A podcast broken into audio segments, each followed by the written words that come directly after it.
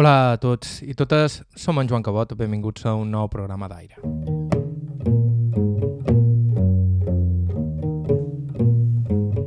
Hi ha vides que semblen prematurament marcades per la tragèdia. La de Michel Llompart, fill del Gaidins per anar a França, no hi manca de res. Son pare, fruiter a la zona dels Alps, va ser empresonat durant l'ocupació i enviat a un camp de concentració nazi.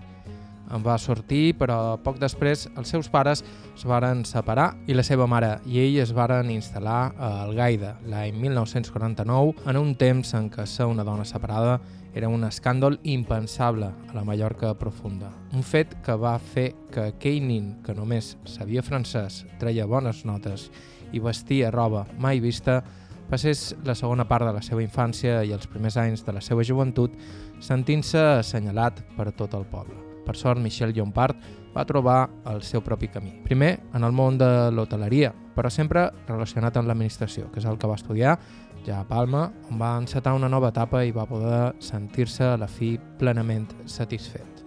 De fet, al final d'aquesta història hi ha un conhort inimaginable, la pedra daurada que han instal·lat davant la casa on va néixer son pare i que recorda que aquell algaidí va ser un dels presoners del camp de Buchenwald. Avui, de nou, una història de vida increïble. Quin petit luxe aquest ofici nostre. Estau escoltant Aire a IB3 Ràdio, vos parla Joan Cabot. Començam.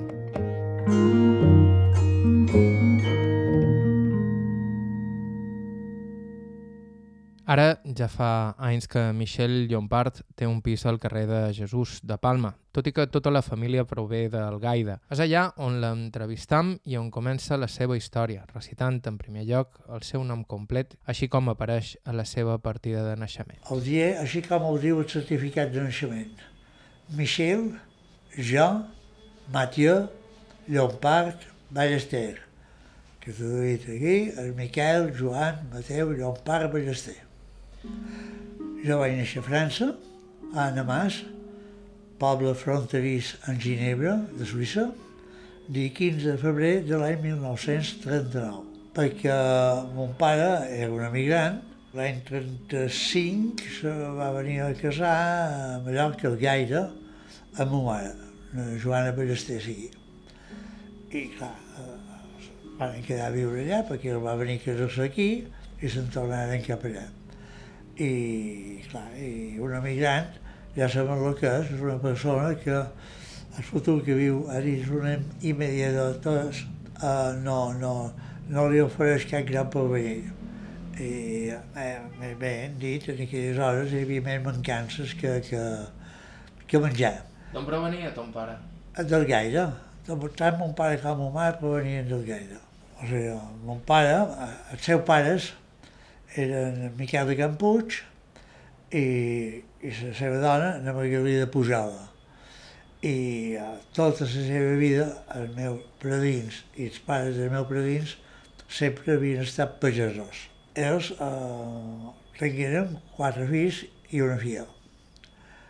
I el menjar no abundava en aquelles hores. A vegades quan els enviaven a missa, per dir una cosa d'aquestes, eh, en aquelles hores hi havia la missa primera, la més tard, la més tard, i s'havien de baratar les sabates perquè les sabates per anar al poble no, no, no, hi, no hi havia un parell per cada un d'ells. I les coses funcionaven d'aquesta manera, que era així com funcionava en realitat la majoria de persones, no? I això, eh, la vida dels meus predins i de mon pare, que en els, eh, els 15 anys perquè mon pare feia feina a una fàbrica d'oli de Llumajor. I el per anar a Llumajor hi anava a peu, gaire a peu, eh? ni bicicletes ni res. I l'enviaven a Solla a cercar oli. I casa recorden aquí, de la casa en coll de Llumajor, casa recorden de mon pare. I mon pare cada 15 dies o cada mes anava a Solla amb una bisti, eh? I Esquerra. I ell sempre comentava que el mul tenia més coneixement que ell, perquè ell a vegades se dormia o el que sigui, però aquell mul no importava que li diguessis cap a l'esquerra cap a la dreta. Continuava i cap a les voltes de soia i treballava I així anaven passats els anys, fins que més 15 anys va voler partir cap a França. Crec, sempre he pensat, que és una influència de qualcú de Solla, perquè en aquelles hores la gent de Solla hi havia bastanta, bastanta emigració cap a França. I a més en aquelles hores, si no vaig equivocat, hi havia fruites i, i un barco que feia el port de Solla cap a Marsella. Però hi havia una connexió molt freqüent. No? Anava a fer un parell de pobles i sempre feia feina dins negoci de fruita i verdura. Eh? Fins que va, va, al cap de dos anys o això va arribar a Anamàs, que és el poble que és allà on se va posar definitivament allà. I allà eh, se va començar a anar de lloguer però llavors se va instal·lar pel seu compte, que era la seva coralla, tenia un propi negoci per ell, eh? i va, ser, va, muntar, va poder comprar una furgoneta, i amb aquesta furgoneta va fer fees mercats setmanals cada dia de la setmana de poble en poble per, per Alpes francesos suïssos, sobretot francesos, eh? perquè allò són els Alpes de Salt a Savoia. No? Ara cal demanar-se com va acabar un humil fruiter en un camp de concentració nazi.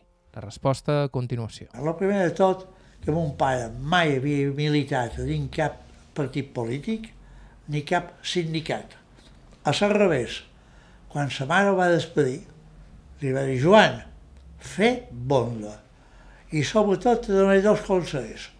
Primera, no te fiquis mai en política i segona, no te fiquis mai en dones que fumen.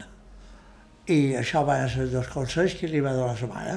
El que passa és que com va acabar així, tancat dins un camp de concentració, perquè se va, acabar, se va instal·lar en França, a Anamàs, i ja duia una sèrie d'anys a dins Anamàs, no?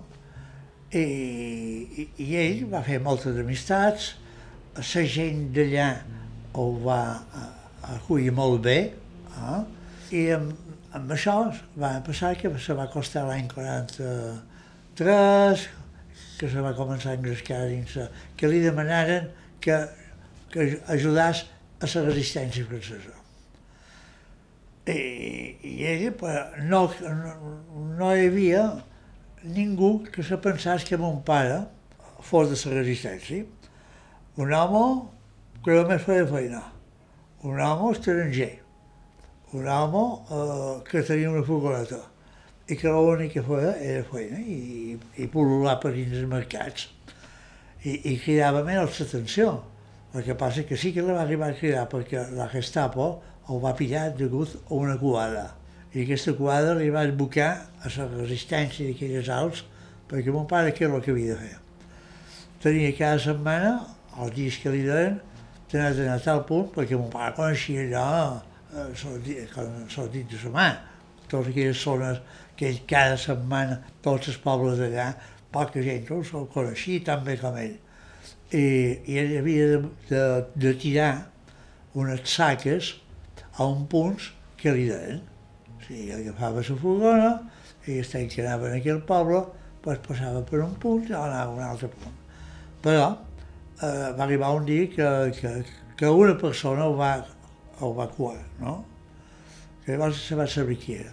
El evacuar i, i ho s'endugueren, el van detenir, el van interrogar, el van aparissar, i és que d'unes setmanes se no, se no cap a l'estació, i l'estació, amb un vagó, o vagons, que els seus només servien per dur animals, hi posaven entre 500 i més persones dins del vagó.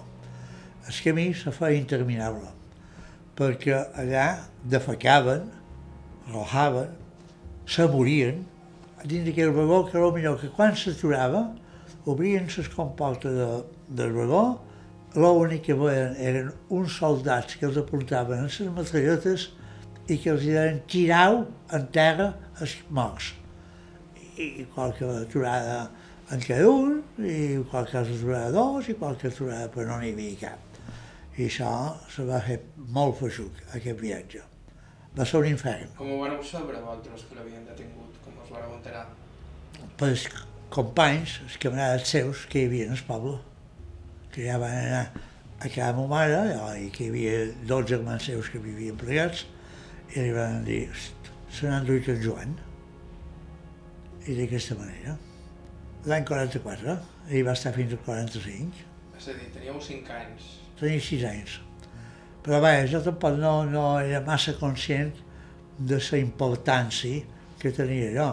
De totes maneres, degut a la por a la Gestapo, ma mare i jo mos refugiàrem a un poble que jo què sé, a 70 quilòmetres de Namàs, que se diu Sant Gervé, que està a la falda de Montblanc, i allà el va cuir, el cuir ma mare i jo, era una, una possessió d'una finca que estava ben a dins els Alps, no? I allà hi visquérem entre la por i ma, ma mare tenia molta por que no, que no que facin a ella, i sobretot perquè me tenia jo allà, no? I allà tenien quatre fills i una filla. I tots estaven involucrats, ajudant a tots els que estaven a dins. I aquesta gent o, o sabien també tot el que estava, o sigui, si ara que facis una persona salva, segur que sap tot aquell enredal, passa per passa. I allà passava el mateix. No? A més, eh, tots aquests perteneixien també als, als bois escaus. I els bois escaus feien una molt bona feina a favor de la resistència francesa, perquè eren els que traginaven en els esquís el menjar cap a, cap a els Alps, a dins els Alps. I, per cert, quan arribaven cap a els Alps sabien que qualque cosa apuntava de la resistència.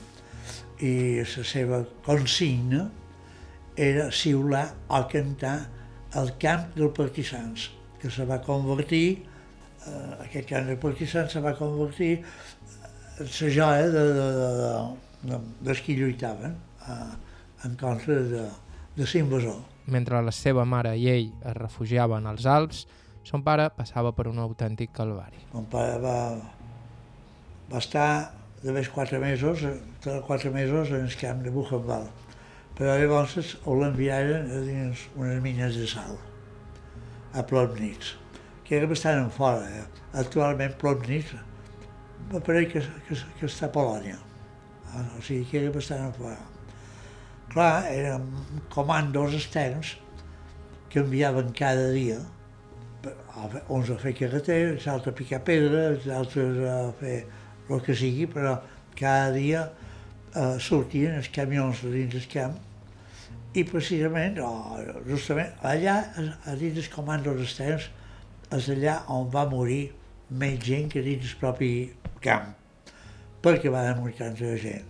Dos motius, de nutrició i, i, i acotament físic. Van ser grans motius, perquè hi havia gent que s'havia anat amb 80 quilos i arribava a pesar 30 quilos. Jo tinc fotos, oh, vaja, he vist fotos que, que, que són impressionants. Eh? Una persona que només li veus els ulls i que camina i que conversa, però mira, mm, jo sé que a dins del segle anterior i el que és lluny del segle hi ha hagut moltes de, de, de guerres, de xerofòbies, hi ha hagut arrel, o sigui, la Segona Guerra Mundial és un fet que se diferencia la millor de tot el que ha passat a dins d'aquests anys anteriors, als segles anteriors, perquè eh, la Segona Guerra Mundial significava un genocidi i un eliminar la raça jueva tota. Això el que se diferència. L'altre, potser no, però la diferència és anaven a eliminar els jueus. I mon pare va ajudar a passar jueus i amagar jueus i va, va fer tot el que, el que feien els altres, no va fer més que els altres, va col·laborar. Son pare va aconseguir sobreviure als horrors dels camps de concentració i de treball nazis i va poder tornar a casa. El dia del seu retorn va quedar gravat a la memòria de Michel. Bueno, quan va arribar a Namàs va ser estren i van sortir per la part de Bèlgica. I, clar, cada estació amb un grapat d'hores abans ja sabien s'aturarà el tren que ve de Buchenwald i en aquesta estació debriran quatre persones i així van fer un trajecte d'un dia o dos. Jo me'n record de, de l'arribada de mon pare. Quan ets tan jove, tot el que pugui passar que surt de la norma, te'n recordes tota la vida. Me'n recordo un home que vaig veure, que venia corrents cap a jo, me va abraçar i això era mon pare. I això és el record que jo tinc.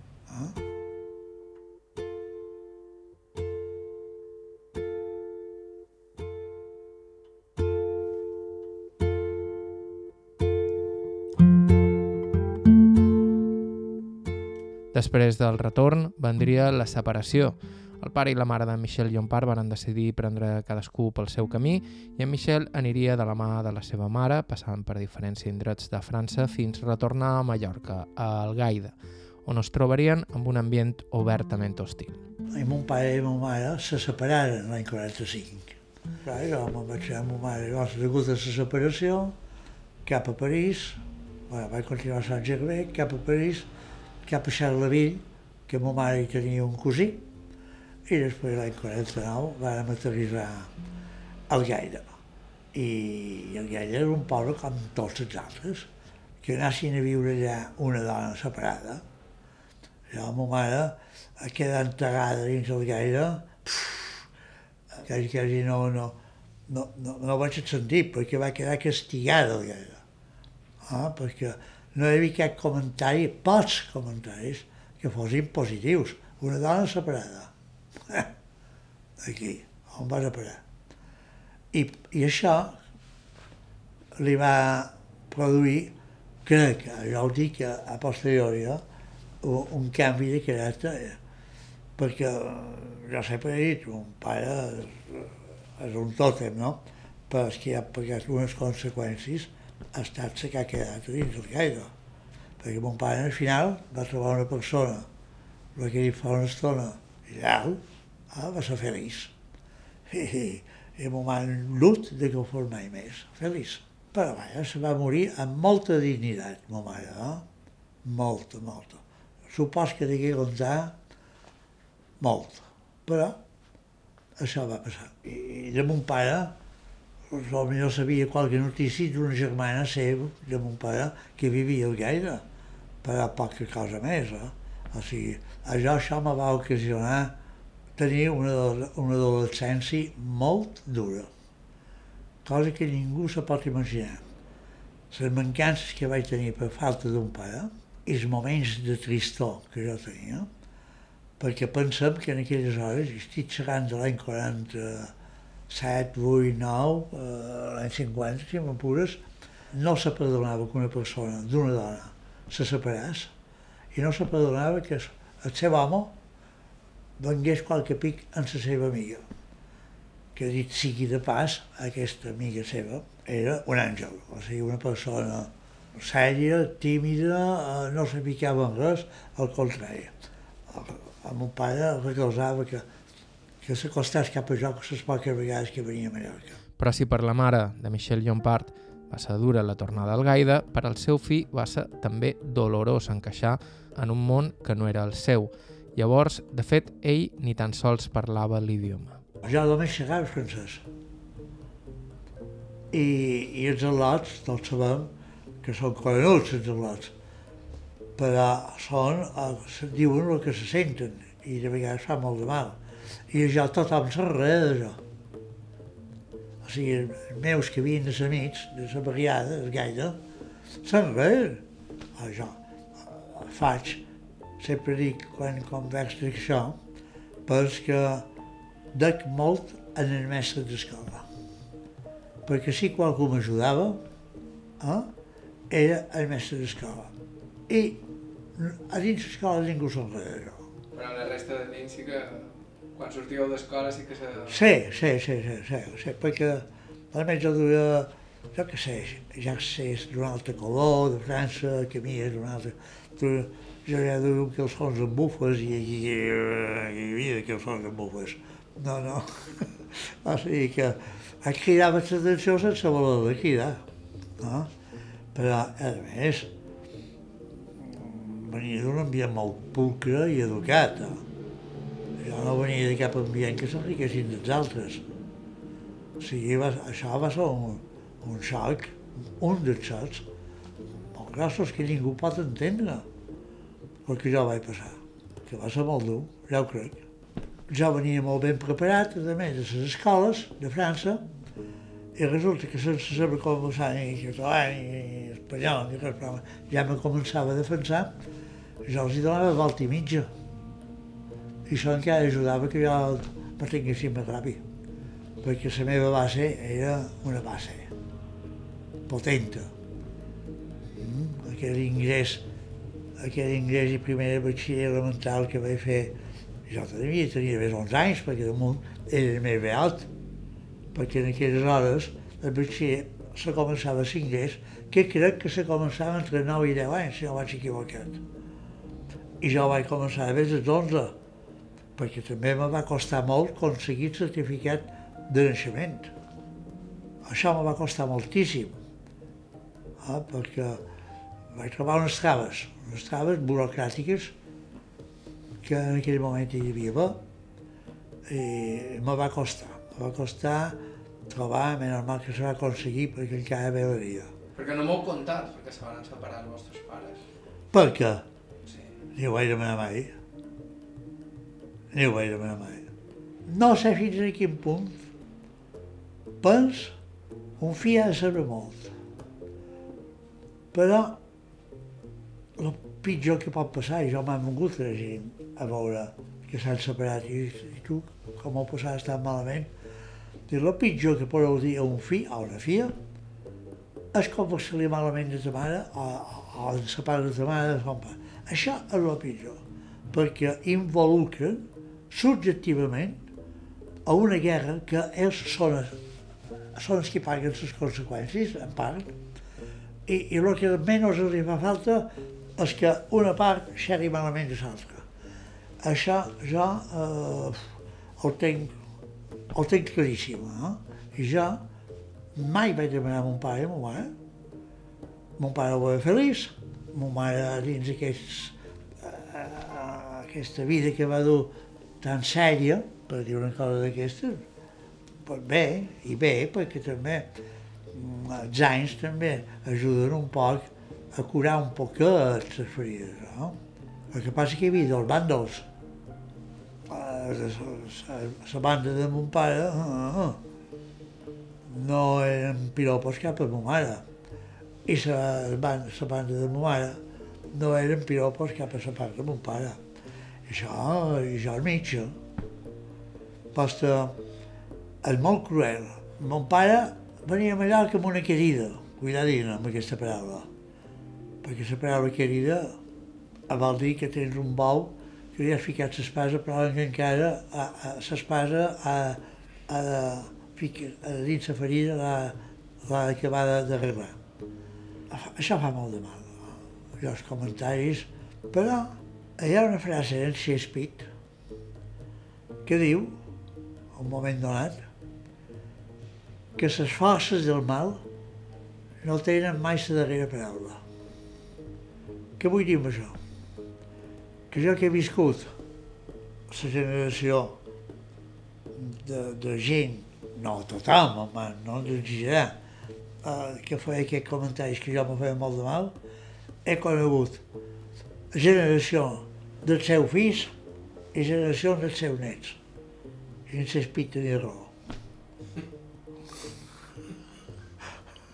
Michel Llompart trobaria el seu camí, el trobaria a Palma, estudiant i fent feina en el món de l'hoteleria que llavors estava a les portes del boom. Ens ho explicarà en una estona. Estau escoltant Aire a IB3 Ràdio, vos parla Joan Cabot, fem una breu pausa i continuem.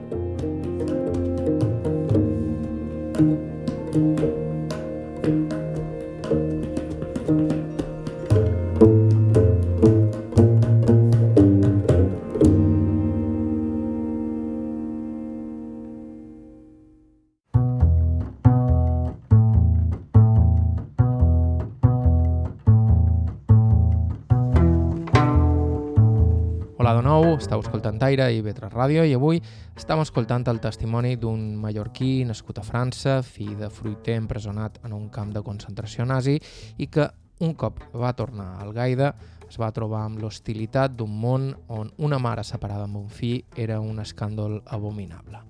Aquell nin es deia Michel Llompart i Michel Llompart va començar a fer-se un home i a trobar el seu lloc en el món un cop va sortir del Gaida i va iniciar els seus estudis a Palma. Vaig, vaig acabar el batxiller, remuntar, me'n vaig anar a l'escola de comerç a fer peritatge mercantil i aquí va començar... Eh, llavors jo passava malament, perquè jo no tenia un punyetero centi i aquí Eh, vivia dins habitacions realquilades, coneguts de ma mare, o sigui, coneguts de qualque parent de que nostra. Jo anava a tot el món. Eh, no, no, ara me fan enveja els que viuen. Jo vivia independent, però independent a dins habitacions, compartint amb gent que jugava a futbol, l'habitació, i l'ètica d'aquelles hores, a futbol, n'hi havia un, no vull dir nom, que jugàvem amb el, amb, amb, la sol, amb el Soledat, i el Soledat no se banyaven ni se dutxaven, perquè va cap a que teva tenen feines. I jo dormia en el mateix quarto, sol la suor, que havia... Uh, terrible. Uh, o sigui, jo vaig passar malament. Però a dins l'escola de comerç, que estava aquí, abans la Riera, que era aquest edifici de Riera, vaig començar a sentir-me bé. Amistats bones, homes i dones, perquè això, l'escola de comerç, o de peritatge mercantil i professor mercantil, cosa que jo no vaig fer, era la universitat, o sigui, l'únic, eh, quasi, quasi, hi havia el seu, no sé si tu has conegut el seu, és que era de Sant Jaume, allà eh, era el pre-universitari perquè llavors ja anaves a Barcelona o, allà on fos. I en aquelles hores, pues, eh, jo vaig fer unes amistats i que els conservo, i bones, moltes ja són mortes, moltes. Però llavors jo passava malament, perquè que nostre que ma mare només tampoc no n'hi havia no, o sigui, se defensava així com podia. Havia fet feina, cobrava la seguretat social, però oh, no sobrava res. Vaig conèixer un jove que festejava el gaire, una mestra d'escola, i jo de tant en quant me n'anava amb ella amb una lambreta, l'esperava i tornàvem a Palma, a festejar, anava a veure ma mare, anava a veure Charlota, i llavors és que X mitja hora, una hora, dues hores, jo què sé, tornàvem cap a Palma. I aquest jove feia feina a la gestoria, la gestoria Sant Pol era la més bona o més feina que a dins del camp de l'hostaleria. Estic xerrant de l'any 60.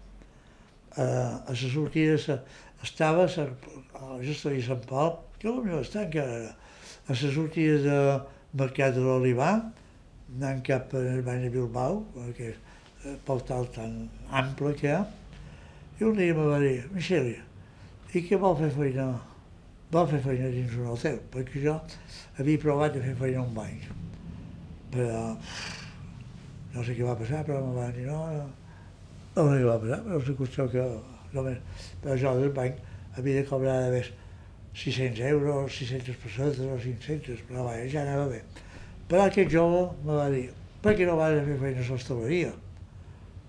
I, i, i jo vaig dir, me va bé, i me va recomanar a l'hotel Bristol i l'hotel Maricel, que en aquelles hores era de mateix dueño, que eren un bascos, luzurianes. No d'entrar en el Maricel vaig entrar en el Bristol, però perquè se posaven d'acord els directius de, de, de l'hotel, no? I vaig començar a guanyar dos pes. I doncs de guanyar 400 pessetes, o 600, o 500 en el banc, vaig començar a guanyar estat 700 o 800 de pessetes. Però habitació i mantingut. I aquí me vaig sentir milionari. Vaig sentir milionari. Jo la primera paga me'n record que vaig anar cap a Palma amb el bus, vaig passar per davant l'església de Sant Miquel, allà hi havia el bany de Bilbao, i vaig entrar i vaig obrir la primera llibreta de la meva vida. I vaig ser feliç, feliç vaig ser. Eh? I aquí vaig començar a viure, eh? perquè ja en fora d'una societat que jo encara la tenia molt fresca, el que havia passat, i a dins, passar dins una altra societat de passar d'una societat rural a una ciutat, a un poble molt gran, que és Palma, me vaig trobar molt bé. Vaig començar i vaig, vaig fer més amistats, a dins l'hostaleria, a dins tot. Si tot a dins el gaire, n'hi havia que se n'anaven a ma mare, m'han dit que esteu fi a feina de l'hostaleria. A només li faltava això, que te vull dir. Que jo això, a part de, de fer-me una trista, eh, vaig, vaig, vaig dir a la volta. Tristo, no, me va fer home. Jo, a pesar de tots aquests comentaris, jo triomfaré. I jo som un triomfador. Sense l'ajuda del tractament de Déu. I gràcies a les amistats i a la gent que m'ha envoltat.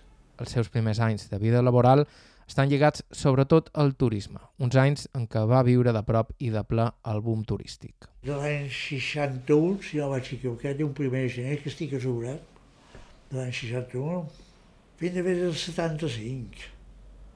Vaig fer feina molt d'anys a dins l'hostaleria. Del Bristol de me van fitxar per anar a Sillot i de Sillot per anar a la cadena que comandaven el carrer Inalbertí en aquelles hores. Vaig acabar a Serenal, llavors se me va fitxar a un hotel que, havia, que era una societat que en La Fuente, quan m'havia tingut de professor de dret mercantil a l'escola de comerç, quan va, me va veure que m'havien cridat jo per anar a aquest hotel, me va agafar com si fos un oficial a La Fuente. O sigui, clar, estava dins l'administració, aquelles hores de la categoria de jefe administratiu. I un jefe administratiu dins un hotel en aquelles hores pesava bastant. Bueno, pesava com el jefe de recepció, com el jefe de consejeria i com el metge. Que fins i tot, o sigui, nosaltres quan començàvem a fer feina, jo me'n recordo que jo havia d'anar a menjar a un menjador petit, a part del personal. I és perquè els camarers que començaven, el metge els feia servir mos. A mi ho vaig sentir cada, cada bronca, que si dreta, que si esquerra, sí, ui, això, i, que, i tu de què pretens? Uh, bueno, perquè aquelles hores la gent era molt severa i no, no acceptaven gent, no, no anaven de bromes. No. En aquelles hores el turisme era una cosa, era una, eren empreses, els hotels, que tu te senties part de l'hotel i l'hoteler se sentia que tu formaves part de la seva família. Tant és així que jo un administratiu, bueno, que ja era el segon administratiu del Bristol, no? Uh, al vespre sortíem, allà en el Club que avui és un club de, de pesca, és per així que nostre. Uh, sortíem als vespres, amb les filles de l'amo, uh, i avui sortiria qualcú administratiu d'un hotel amb les filles d'aquestes cadenes que hi ha. No, això ha una birma, però hi havia en aquelles hores una familiaritat i una entrega i una professionalitat que déu-n'hi-do, que déu-n'hi-do. I també hi havia severos, eh? hi havia gent molt severa, però ja he conegut que, que el jefe de recepció els han enviat a fer la manicura. Ei, puja dalt a la peluqueria. Això, avui, ha de contar, però és un xiste, però ja ho he viscut, això.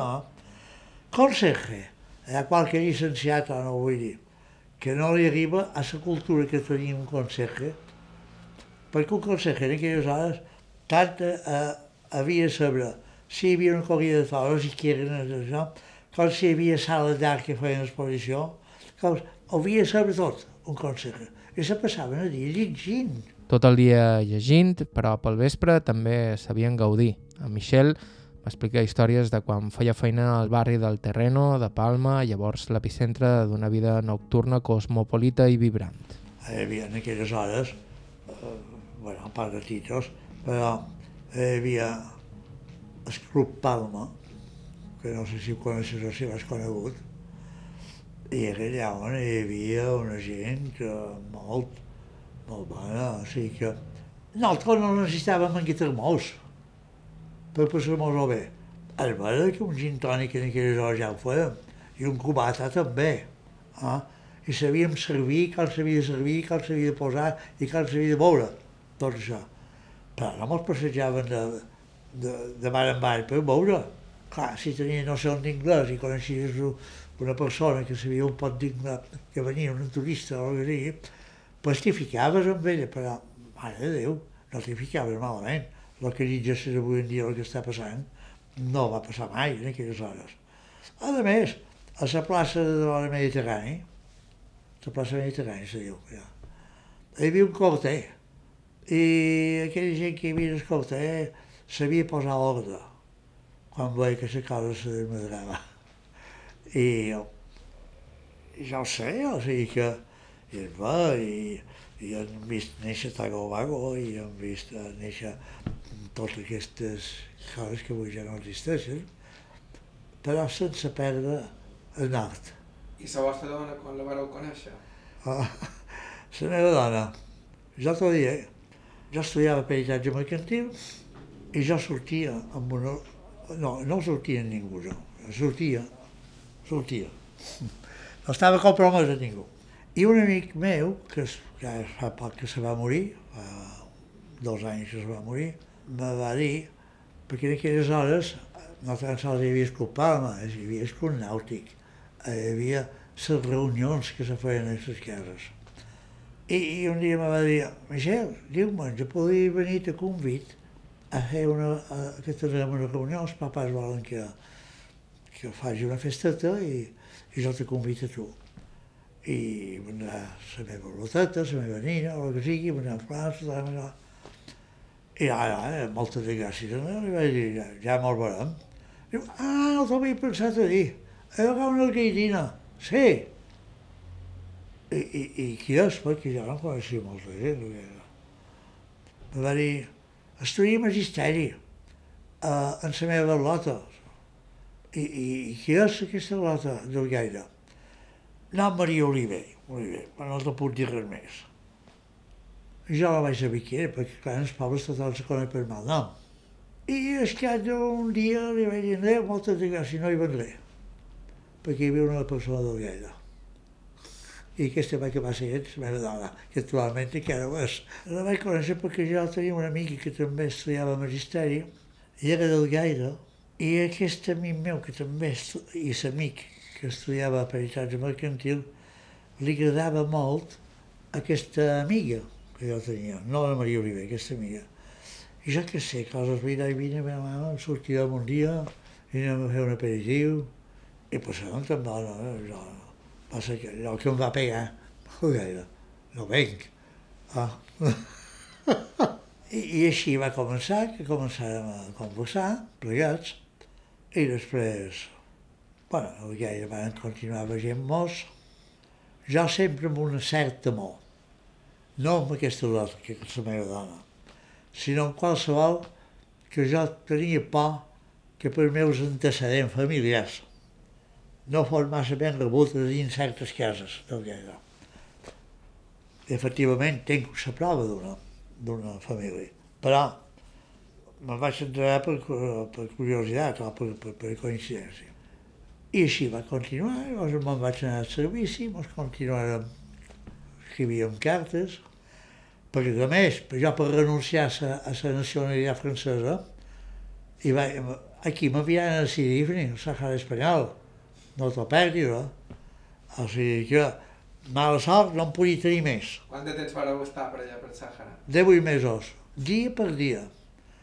A més, un dels amics que jo tenia, perquè jo m'agradava jugar a billar, i anava sempre en el bar Cristal, a Fondo, baix, érem una penya, i hi havia gent que estudiava de militar, gent que estudiava magisteris, en fi, érem estudiants i, i gent que no estudiaven, que ja jugaven a futbol amb el Mallorca, o, o, i no sé que, com t'he de dir, que hi va haver un dia que un jove, un jove que nosaltres molt bé, se va despedir tots i me'l va convidar a en el bar Cristal i que se n'anava, jo vaig pensar, ah mira, en Petone, en Joan Antoni vull dir, se'n deu anar, potser l'han ascendit, o no sé, perquè ell ja havia sortit de, de militar de l'acadèmia.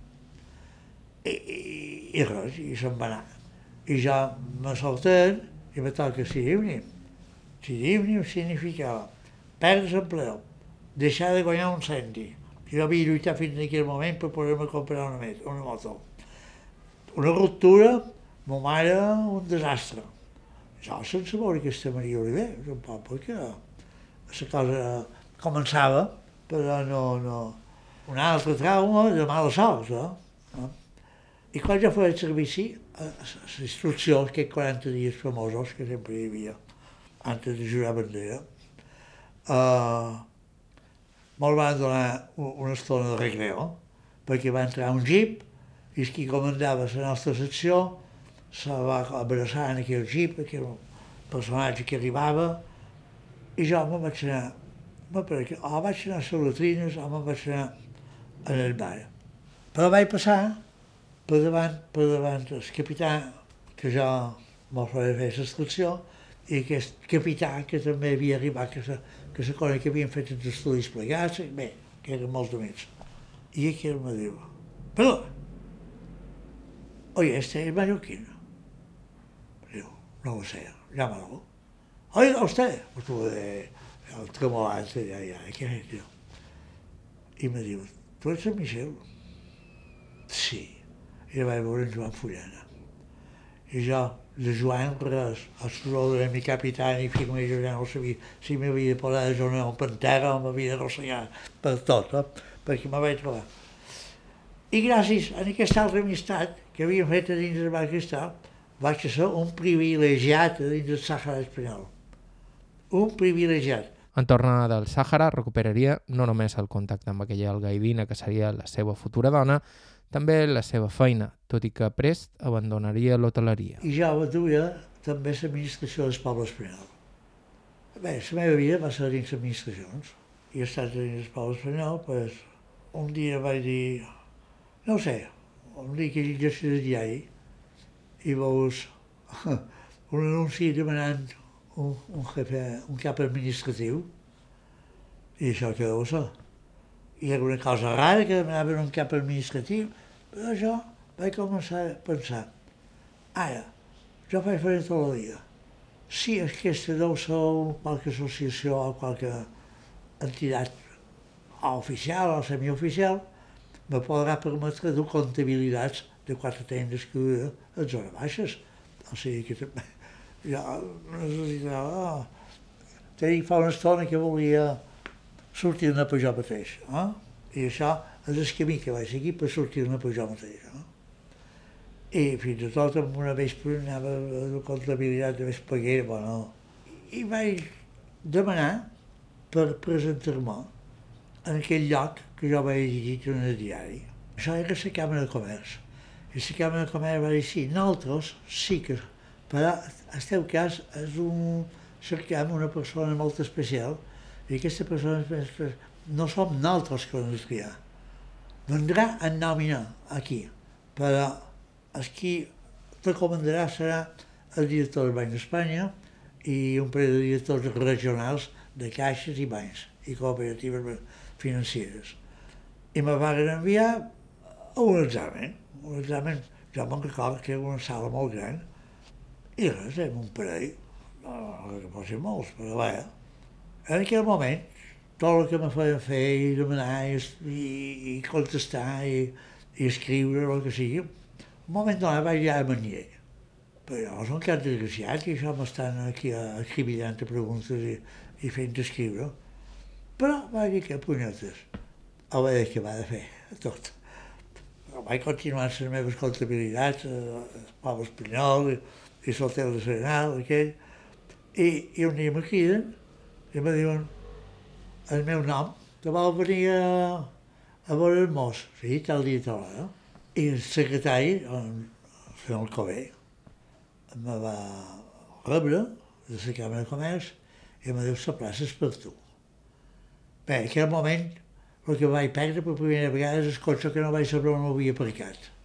El vaig, trobar, el vaig cercar per tot, perquè me, me va produir un xoc eh, i me va enviar al Banc d'Espanya. I al Banc d'Espanya ja m'esperava el director per conèixer-me. I així va començar que jo vaig ser el director de la Càmera de Compensació Bancària de Mallorca, fins que me vaig jubilar. Parlant de compensacions, n'ha rebut una d'important fa prop d'un any. No econòmica, però sí moral, quan varen instal·lar una de les anomenades pedres de la memòria en record de son pare davant la casa on havia nascut. Mon pare ja ho que el gaire, perquè allà on va néixer, el gaire, en el camí de l'estació, fa un any, crec que li van posar una placa d'or, i és una placa dorada que se va posar dins un forat a la cera de davant la casa i, i allà està. Allà. Jo, això és una de les alegries que he tingut, perquè això de tenir mon pare a França ja està bé. Jo, doncs que estic jubilat, me surt com a mínim unes tres vegades que me'n vaig cap a allà, no? perquè tenim una casa i aquella casa, per jo, és una caseta, però per jo, vaja, vol dir és molt. No? Està de Montserrat de Suïssa, de Ginebra, tanta alegria vaig tenir quan uh, aquest home, perquè aquí a Palma van posar dues o tres persones i després a Mallorca jo vaig anar a Artà, a Santem i no sé si Porreres o qualque altre poble que també tenia aquest reconeixement. Tant content vaig estar, tant l'aire de més, vaig posar la música dels cants dels partisans, també. No? I, I que set de man, quan me vaig ficar, vaig dormir ben a prop aquest dia, vaig agafar el cotxe, me'n vaig anar allà on havia nascut mon pare, allà on hi havia aquella placa de Montsera, de Montsera. Vaig demanar el cotxe i me'n vaig anar allà i, i mirant en terra aquelles flors que havien quedat per dia anterior, que encara pareixien més guapes. I mon pare, bon dia! I me'n vaig tornar cap a casa. Però jo no m'ho pensava mai per fer una cosa. No sé com va sortir això, però aixecar-me i agafar aquesta, això, tot va segur. Tampoc entrava en els seus plans una altra variant del destí, ser el coautor d'un llibre, el que acaba de publicar la nova editorial Moll, sota el títol L'infern d'en Joan de Campuig, i que ha escrit a mitges amb l'historiador Tomeu Canyelles. Tots són casualitats d'aquest món. Un dia me va telefonar en Tomeu, jo ni sabia si hi havia, si hi havia ningú que només Tomeu, ni sabia si existia la nova editorial Moll, jo sabia que existia, havia existit la Moll, però la nova editorial Moll, ni idea. I me va telefonar en Tomeu, i va demanar si me podia venir a veure el gaire. I va venir, i me va explicar que ells, i a mi ho, he conegut, això, m'anaven seguint aquestes xerrades que faig jo dins els instituts, a dins qualque centre cultural, a la universitat, m'anaven seguint. Eh? I consideraven ells que això ha de quedar per escrit. No basta que jo agradi, no basta que la gent m'escolti amb atenció, no basta res. Això ha de quedar escrit i que quedi en biblioteques, en ajuntaments, en cases particulars, és que no, perquè quedi per escrit. Ja me va costar molt, perquè la veritat és que mai un altre somni, no havia somiat mai ser escriptor jo, perquè ben d'escriptor no, no... El que passa és que ja el que conta, el que dic, sí que necessita la mà de mestre per compondre, cosir, desfer, descosir, per, perquè ja ho dic tot desordenadament. I aquesta gent eh, són bons professionals i, i m'han ajudat, i tinc una filla que també m'ha ajudat, i això, molt, molt bé. I jo, de tot d'una, vaig dir, oh, això ha d'editar un llibre. Me va, me va pegar. No, no, no ho vaig entendre que jo pogués editar un llibre, però ja li vaig dir també com ho pensaria. Però me va llevar la son, o sigui que el dia no me vaig donar voltes en el meu cap. I realment, l'argument de que això havia quedat per escrit el que me va acabar de, de, de decidir a dir que sí, cosa que estic molt, molt, però molt content no? i orgullós, perquè mon pare mai se devia pensar que ell acabaria eh, amb tant d'honors per part del seu fill. Bé, estic content. De dia fa una estona que me sento un fedor. I també estic en, en tots els aspectes. Aquestes famílies de banda a banda que t'he comentat fa l'estona, no existeixen les bandes. Això per jo és una cosa és un deu. No existeixen les bandes. Quina millor manera d'acabar.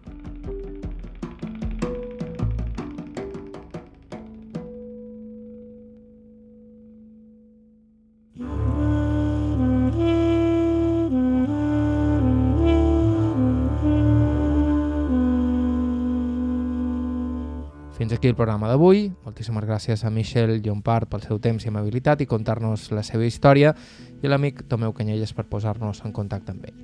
Sempre estem cercant testimonis, així que si teniu alguna proposta o suggeriment ens podeu escriure a aire.iveterradio.com aire.iveterradio.com La millor manera de no perdre's cap dels nostres programes és subscriure's al nostre podcast a qualsevol dels agregadors disponibles o bé a través de ivetres.org barra carta on trobareu tot el nostre arxiu. La música que feim servir habitualment és de Joshua Abrams, Marisa Anderson amb Jim White, Jaume Tugores, Sorenan Barchi amb Johan Berflink i Andreas Berlin i Charles Rumbach. Bàrbara Ferrer la producció executiva, vos ha parlat Joan Cabot. Gràcies per ser a l'altre costat i fins la setmana que ve.